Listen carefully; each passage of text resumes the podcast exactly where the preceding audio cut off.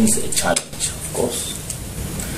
However, the USA still, uh, while it still vetoes new Zimbabwe, izitera ngumthetho olimigoqo okumangalisayo ngoba ilizwe lemelika lokhe livimba ukuthi ilizwe leli lithola imali ebolekwa ngamazwe ajiyeneyo loba kunjalo ilizwe lemelika lizimisela ukuthi kube lokudlelana phakathi kwamazwe la.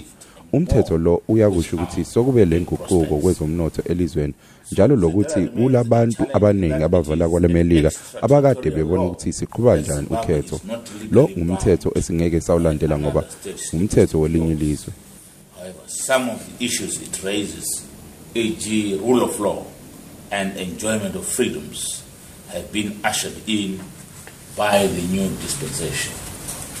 okunye okuvezwa ngumthetho lo sesikwenzile okunjengokulandela imithetho yelizwe i-rule of law kanye lokuthi abantu bakhululeke. Sesikwenzile konke lokho. Ukuza kwabantu abavela kwalemeleka ukuze hlolisisa ukuqhutshwa kokhetho ngokunye okwakufiswa lilizwe lemelika. Sibavumele ukuthi babuye kwele zimbabwe ukwenza ukhetho olubalulekileyo kwenza ukuthi silandela okufiswa ngumthetho wezidera okunye njalo akumelanga udlakela olwaba khona kusanda ukwenziwa ukhetho ukuthi kubisele emuva konke lokho esesikwenzile esikufisayo ukuthi kwesulwe izijeziso zenotho peaceful, free, fair, and credible elections, although being regretted.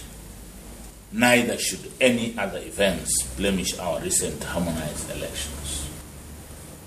Therefore, the recently signed Zedera Amendment Act is unfortunate in that we would rather there were no restrictive measures